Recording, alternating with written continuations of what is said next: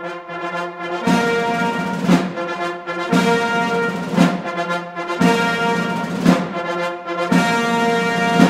saya Rindra. Saya bisa membeli seluruh masker di Jagat Raya. Tapi sayangnya, masker tidak bisa menyelamatkan Anda dari virus corona. Jangan lupa cuci tangan. Pesan layanan masyarakat ini dipersembahkan oleh Box to Box Media Network.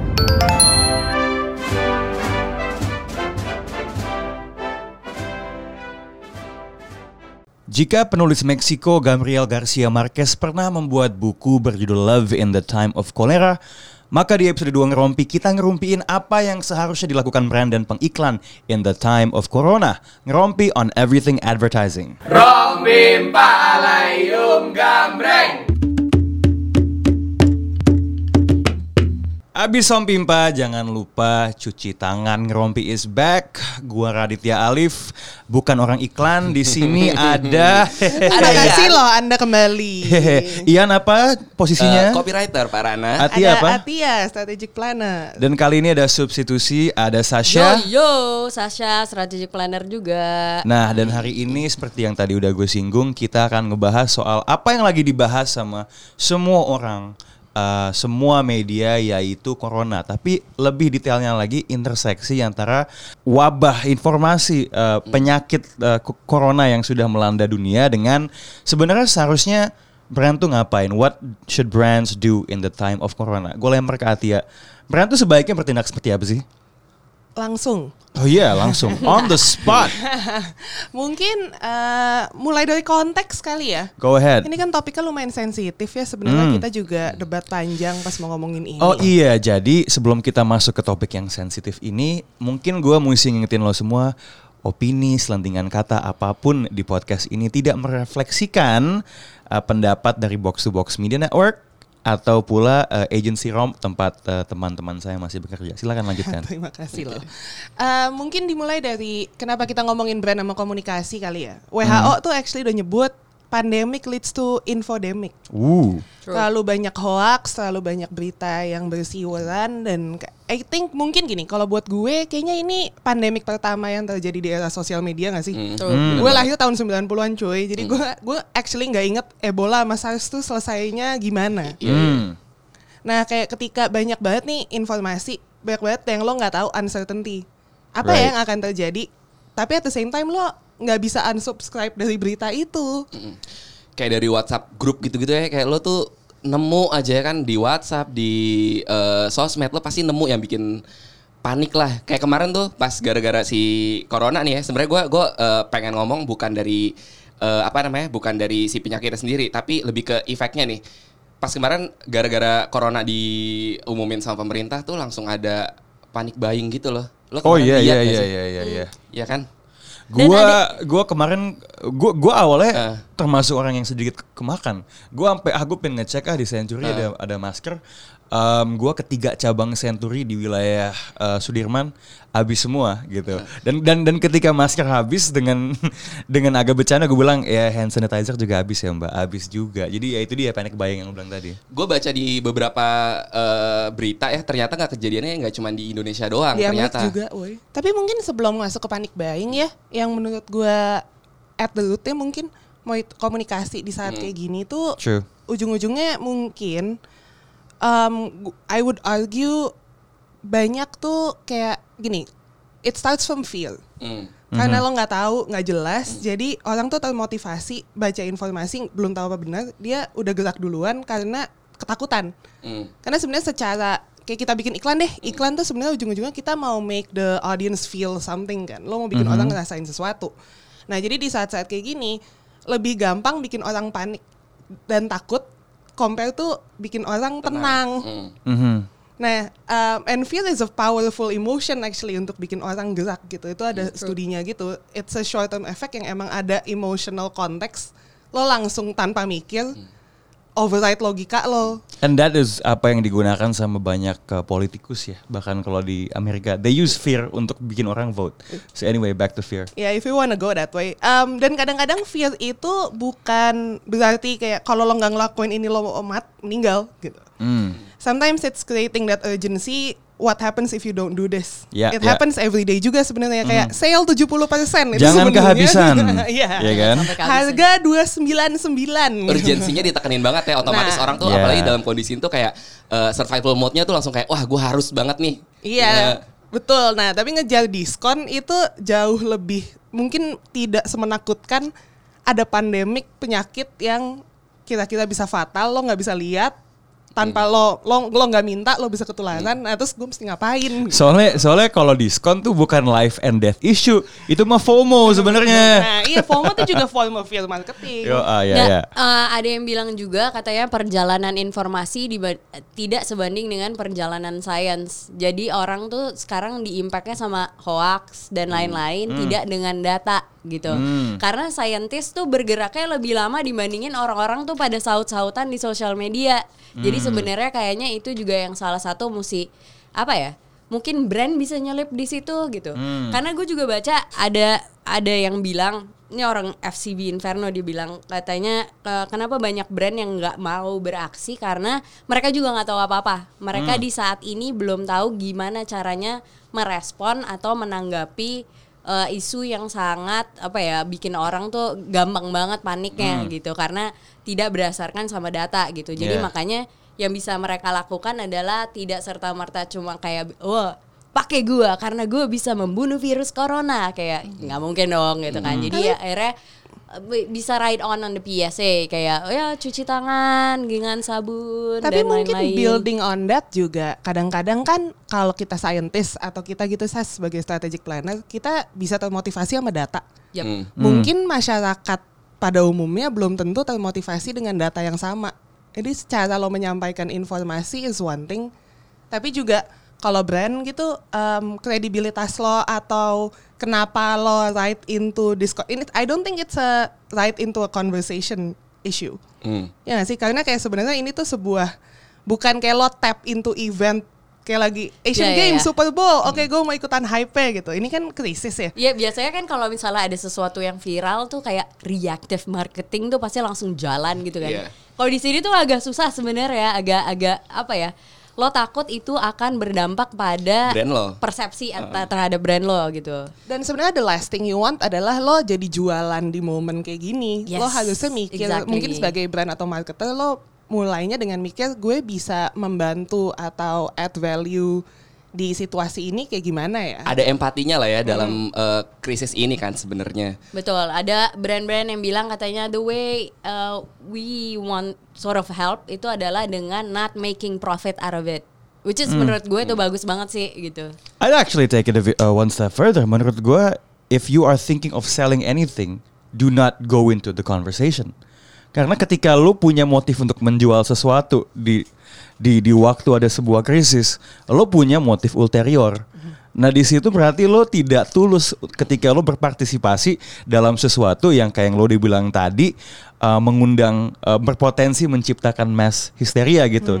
So I think kayak kemarin juga uh, di social media gue lihat ada yang nge-share contoh-contoh uh, ini atas nama brand to brand ethics nggak usah gue sebut kali ya. Cuman beberapa brand yang kayaknya ini agak misstep gitu kan ketika ada situasi ketika ada situasi seperti uh, corona yang bahkan pemerintah pun to a certain extent struggling untuk nge-contain itu, perilakunya tidak berbeda jauh dengan dengan orang-orang yang menimbun masker yang dibilang sama Ian tadi gitu loh. Jadi ketika mereka berusaha penjualan semua kelakuan mereka sama dengan kalau menurut gua mohon maaf nih kalau kata-kata gua agak keras sampah masyarakat yang paling bikin eh, orang tuh tambah resah gitu loh. Kenapa nih ini situasinya udah resah.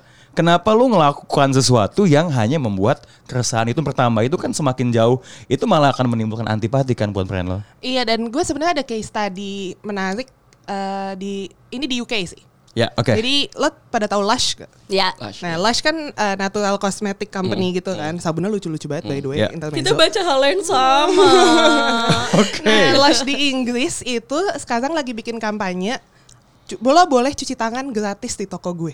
Hmm. Jadi a lot of people emang refer to Lush kalau nggak tahu itu jual banyak kosmetik kayak oh iya itu toko sabun karena emang sabun-sabunnya paling terkenal. Right, right. Dia sama sekali tidak menyebut eh, corona. Betul. Oke. Sama sekali tidak touch upon eh, pandemika wabahnya apa. Mhm. Dia cuma bilang gue jualan sabun, ini langkah cuci tangan yang benar, feel free untuk masuk ke toko Hmm. gue cuci tangan gratis. Lo nggak harus beli, gue punya sabunnya, ada airnya, ada wastafelnya. Dan dia Nyari bilangnya juga susah. karena ini lagi momen di mana winter gitu Iya. kan ya. Jadi emang orang-orang tuh harus banyak-banyak cuci tangan biar nggak sakit. Gitu. Eh, tapi menarik tuh pas gue denger yang si Tia bilang ya. Sebenarnya cara lo masarin produk lo itu harus empati kan. Mau meskipun eh, momennya itu eh, kebetulan pas corona gitu kan. Bukannya lo ngomongin tentang eh, apa namanya? tentang Penyakitnya. penyakitnya, tapi lo tuh lebih ngebantu orang tapi in a way lo tuh showcasing produk lo sendiri, nunjukin produk lo. Tadi kan lo secara nggak langsung kan orang tuh suruh eh, cuci tangan pakai produk lo sendiri kan. Iya nggak sih? Hmm. Nah itu menurut gue eh, daripada membuat ketakutan ya, mendingan brand itu sebenarnya bisa banget nih buat showcasing eh, keunggulan produknya. Soalnya kalau misalkan lo bikin ketakutan kayak yang tadi lo sebut Ran yang pas lo temuin di apa namanya Instagram atau di sosial media banyak brand-brand yang menimbulkan ketakutan itu apa bedanya nggak sih sama eh, portal berita yang isinya tuh kayak clickbait semua? Iya nggak Yes, sih? yes, yes. Benar, benar, benar, Sedihnya benar. kayak gitu. Sementara kayak yang tadi sempat di eh, sindir sama Syasha dikit. Di iklan itu kan ada na- namanya iklan layanan masyarakat ya. Iya. Sebenarnya kita bisa memanfaatkan itu yang tujuannya emang nggak dagang. Tujuannya itu buat ngubah kebiasaan, buat social cause yang sebenarnya itu in a way kita bisa showcasing keunggulan produk kita ya nggak sih? Hmm, Kalau menurut gua. Brand bisa jadi membantu pemerintah is- istilahnya menyebarkan dat Heeh. PSA gitu loh. Jadi kayak sama-sama ngomong bahwa yang penting sekarang adalah lo banyak-banyakin cuci tangan gitu. Menenangkan gitu ya, nggak jadi nggak we're bikin selling comfort instead Cuman, of fear. cuman kalau dalam hal menunjukkan keunggulan produk, gua mungkin sedikit berbeda pendapat dengan lo sih, Yan. Em, kalau memang bisa ya udah it's a bonus. But I do believe brands shouldn't go into that uh, conversation dengan berpikiran oke, karena menurut gue di situ mindset sebuah brand. Ini ini kita ngomongin soal perspektif eh, em, etika aja gitu ya. Masih oke, gue mau menunjukkan hebatnya brand gue gitu loh. I do truly believe the best campaigns in this kind of situation tuh they need to aim to help. Kalau misalnya take outnya, oh ya orang ngelihat keunggulan produknya, which could be a lot of things, then ya udah bagus gitu. Cuman entah kenapa gue ngerasanya itu jangan menjadi uh, epicenter dari komunikasi yang lo lakukan. Kayak ini ya contoh yang lo share kemarin tuh ya, Lifebuoy kalau nggak salah ya Lifebuoy ya di India. Iya, iya, Lifebuoy iya. di India juga sama ngomongnya eh, ini iklan buat lo cuci tangan, ingetin step untuk biar lo tetap sehat ya. Mhm. Terus kayak ini bukan iklan Lifebuoy, feel free untuk pakai sabun apa pun inti Right. cuci tangan. Tapi mungkin building upon yang lo bilang ya kan. Mungkin at the end of the day brand harusnya mikir em, satu lo punya asosiasi yang tepat nggak Iya. dengan kejadiannya. Menurut gue brand-brand kayak Lush sama Lifebuoy itu memang bisa quote unquote lebih mudah untuk masuk ke isu ini karena emang dia brandnya sabun cuci tangan. Benar. Jadi Memang punya dia, memang punya fungsi dalam situasi fungsi. seperti Jadi ini. lang- langsung tidak usah dipikir lama-lama tuh. Right. Role gue di sini apa? Gue bisa Ya. bantu dengan apa Iya. gitu. Mungkin pertanyaannya kalau lo bukan brand atau kategori yang langsung berkesinambungan, apa yang bisa lo lakuin? Iya, iya, iya. Atau ada contoh-contoh nggak yang tepat tuh ngelakuinnya kayak gimana gitu? I Hmm. do believe at the end tuh it's about lo nyari sebenarnya orang tahu butuh tahu apa dan lo figure out gimana lo bisa bantu nyampein itu Right, dengan right. cara yang kredibel tapi juga trustworthy Mhm. dan juga kayak nggak ya tulus sih. Ya, mungkin end. mungkin sebenarnya kalau building upon pointnya eh, Ian sebenarnya I mean what kind of keunggulan gitu keunggulan untuk membantu membantu orang menghadapi masalah ini dan gue sih sepakat aja. Tapi I don't think it's about framing it sebagai sebuah keunggulan. I think kayak yang lo bilang tadi it's about peran. Sebenarnya brand tuh bisa ngapain?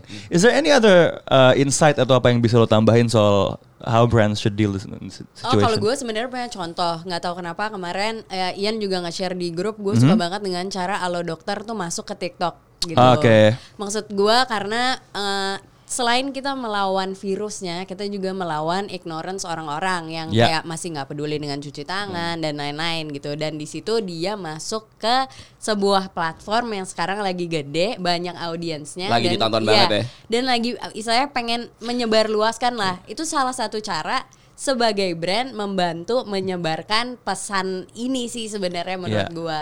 Iya, eh, apa namanya? eh, kita- tapi kita kita mesti ingat ya, Bowo Alpenlibel ini berkorban untuk TikTok ya. Em, tapi ya, I, I guess Yan di situ it's not just uh, what you say or who is saying it, but how you say kan. Yap. Apalagi dengan TikTok yang sangat simple dan sangat receh ya. Iya sebenarnya kalau yang tadi eh, sebenarnya yang tadi mungkin eh, kata yang tepat bukan eh, keunggulan tapi peran brand lo di Yeah. masalah ini tuh Hmm. apa gitu kayak tadi kalau misalkan Lifebuoy sebagai eh, sabun cuci tangan ya itu udah obvious banget peran lo kayak tadi kalau dokter kan sebenarnya agak eh, dia mungkin perannya dokter tapi gimana cara untuk masuk ke pop culture Iya. gitu dia menggunakan si TikTok kalau misalkan ya eh gue tiba-tiba nih ya gue keinget lo tau gak sih Ti, yang waktu itu lo pernah ceritain ini apa namanya eh Google Kalau gue nggak inget awkward nggak? Enggak, ini dari ini Google yang eh, pengen bikin semua orang tuh tra- eh, bisa akses informasi yang dia eh, bisa orang-orang eh, feature phone itu ngegunain kayak pakai Oh pakai SMS. SMS. Kalau itu kan sebenarnya Google tuh jauh banget kan dari dari hal-hal yang kayak eh, cuci tangan atau apa. Tapi orang tuh bisa dapat informasi yang clear lewat itu. Nah, mungkin eh, se apa sejauh apa pun brand lo eh, sama masalah ini hubungannya agak jauh, tapi kalau peran lo itu ada, Yeah. itu bisa banget masuk dan se harus empati lebih And, and, and, and it has to be about also nyambung yang lo bilang about finding the right role. yes. Yap. Lifebuoy kayak yang Atia bilang sabun ya perannya untuk Hmm. oke orang cuci tangan gitu kan. Kalau Google penyebaran informasi, Informasi. mungkin. Uh. Jadi sebenarnya it's ya udah lu juga selain uh, how you say it, it's about oke sebenarnya what's the best fit buat brand gua untuk bertindak di di, di Dan kondisi mungkin seperti itu. yang menarik juga kadang-kadang it's not even necessarily taking extra, apa creating something new gitu. Hmm. Jadi kayak di Cina, gue baca-baca semalam gitu kemarin kan kalau di Cina itu udah banyak kota-kota yang lockdown. Ya. Jadi kan kebanyakan orang udah pada stay at home kan. Lucu, agak lucu, dark joke. Artikelnya katanya gini, uh, coronavirus is the biggest work from home Tuh, ya, bagus sih. Soalnya di karantina di rumah. Eh, Nah terus kayak jadi kan satu sebenarnya orang-orang banyak yang kesehariannya di di rumah dong. Hmm. McD di Cina itu tuh kan dia tetap bisa delivery service, tapi dia bikin fitur contactless delivery. Jadi yang dia lakukan adalah dia ngecek temperaturnya semua orang dari yang masak sampai yang delivery makanannya. Mhm. Dan dia yang delivery makanan yang nggak boleh door to door. Jadi ditaruh di, di, di depan residential areanya, Mhm. makanan lo hadir dengan catatan yang bikin makanan lo siapa aja, Mhm. temperatur badannya berapa. Jadi itu kan sebenarnya kan mengetweak sebuah offer yang dia udah punya biar eh, tepat pada momentumnya gitu Iya, pada iya, saatnya iya, iya. ini gitu. Karena tidak bisa dipungkiri mungkin kalau buat brand em, mungkin kadang-kadang marketing sama komunikasi tuh hal terakhir yang mereka pikirin dulu. Yes. Admittedly kan pasti ada operation Aha. ada pegawainya gimana, Yes. ada kerjaan sehari-hari yang mesti dimitigasi dulu nih dalam keadaan kayak gini gimana, baru gue bikin iklan gitu. Aha.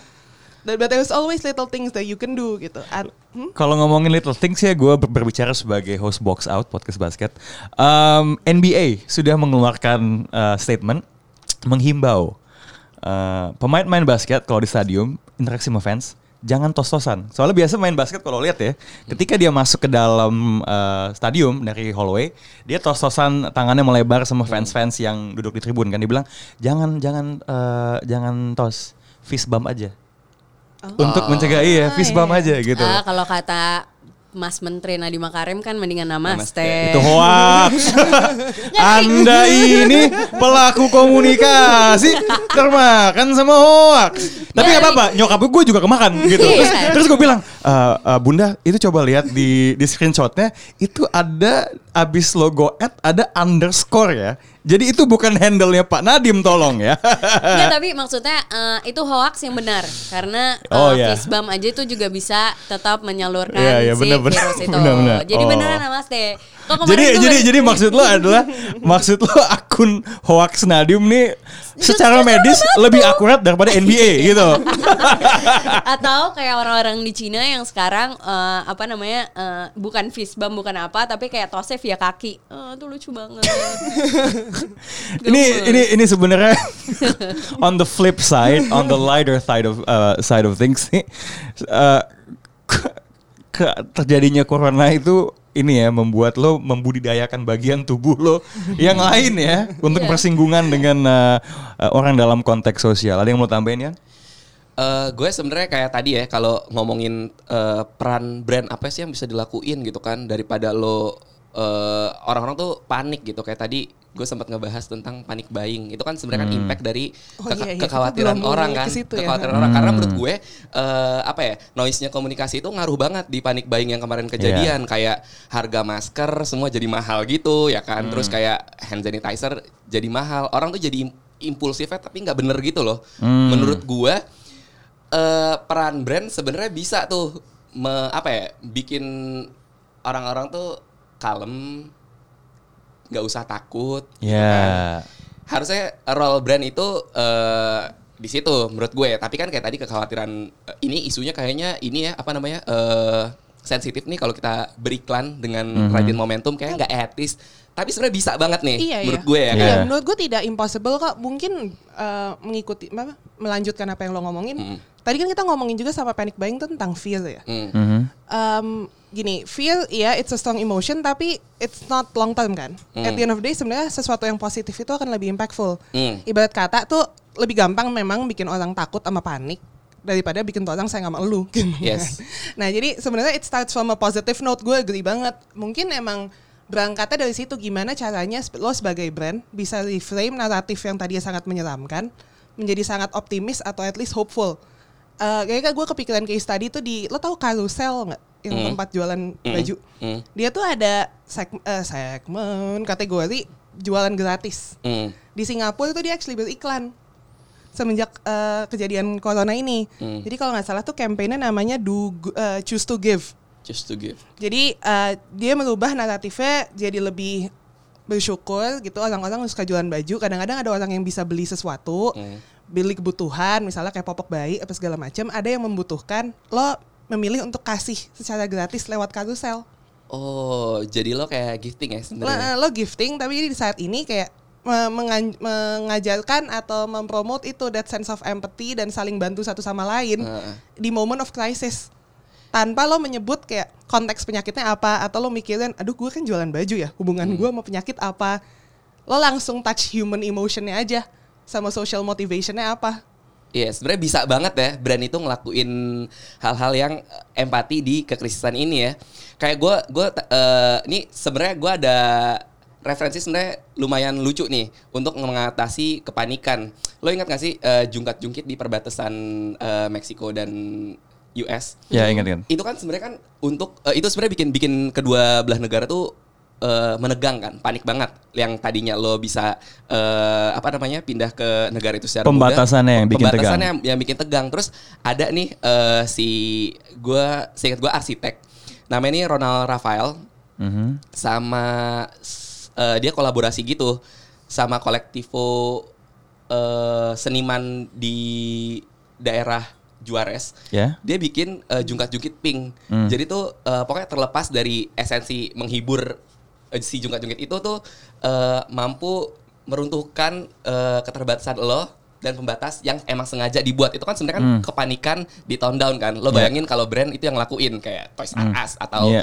eh, Disneyland sebenarnya mungkin banget kan kayak yang kita dibahas di sini kayak gimana sih cara brand untuk eh, tap in ke momentum krisis ini tapi tetap empati tetap ada role-nya juga ya kan Hmm.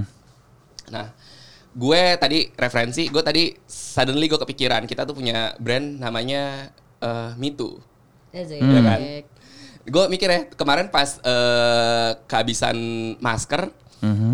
gue bilang gila ini harga masker jadi kayak ratusan ribu gitu. Sebenarnya kalau lo coba, gue kemarin ng- ngelakuin banget Ran. Hmm. Jadi si tisu basah ini Mhm. ujungnya tuh gue lipat kanan kiri, terus gue gunting bentuk D. Terus gue tempelin ke kuping gue itu oh jadi ya Allah masker. dia bikin masker Oh, Itu jadi DIY. DIY masker. ya kan sebenarnya gue kepikiran apa mungkin brand ini bisa ngomongin kayak gini ya daripada kayak eh, wah eh, masker apa segala macam. Sebenarnya orang kita bisa memanfaatkan apa yang udah ada gitu kan. Oh, padahal orang kita cerdik banget Cerdik kan. banget. ya. Ah, itu udah di approve sama Roy Wisnu belum? Belum, belum ya? Oh enggak, gue tadi kepikiran aja kan. Iya, iya, Di iya. tengah kekhawatiran ya kan. Di tengah kekhawatiran masker yang mahal, kenapa enggak kita manfaatin itu gitu kan. Emang Bung Ian ini Iya iya, nggak sih tapi um, jumping on uh, to your points ya. Um, sebenarnya satu hal nah, tadi sih sebenarnya uh, contohnya uh, lo yang di Singapura tadi tuh ya, iya carousel ya. What I find interesting adalah pertimbangan untuk tidak menyebut corona, karena itu adalah sebuah langkah yang didasarkan konsiderasi. Kalau ini gue sebut akan semakin takut nggak orang. Kalau ini gue sebut merasa gue riding on an issue atau enggak. So actually my take out from that adalah kita sudah ngomong kalau brand jangan jualan. Kita sudah ngomong kalau brand uh, harus tahu perannya apa. Kita sudah ngomong kalau brand uh, harus ngeliat fitnya kayak apa dan memikirkan how to say. What I love about that adalah di situ brand bertindak seperti manusia yang berusaha untuk sebisa mungkin tidak membuat manusia lain takut. And I think that is what brands should do. Kalau lu punya uh, pendapat atau opini tentang uh, bagaimana brand sebaiknya bertindak in the time of corona, sih maybe gua ngomong in the time of corona aja tuh udah agak salah sebenarnya karena kan belum belum belum menyebar. Atau kalau lu punya uh, case study atau contoh yang menarik atau anything terkait dengan persinggungan ad advertising dan um, uh, penyebaran informasi terkait krisis corona, jangan ragu untuk mention ke uh, socials box to box atau ngerompi. Uh, ini podcast Instagramnya Rompimpah. Oh, rompimpah. Iya, ya tolong tolong tolong tolong. Oh ya uh, tolong jangan saya cadel suaranya nanti At salah. At rompimpah. Ya, jadi singkat kata jangan tap in kalau nggak tahu mau ngapain.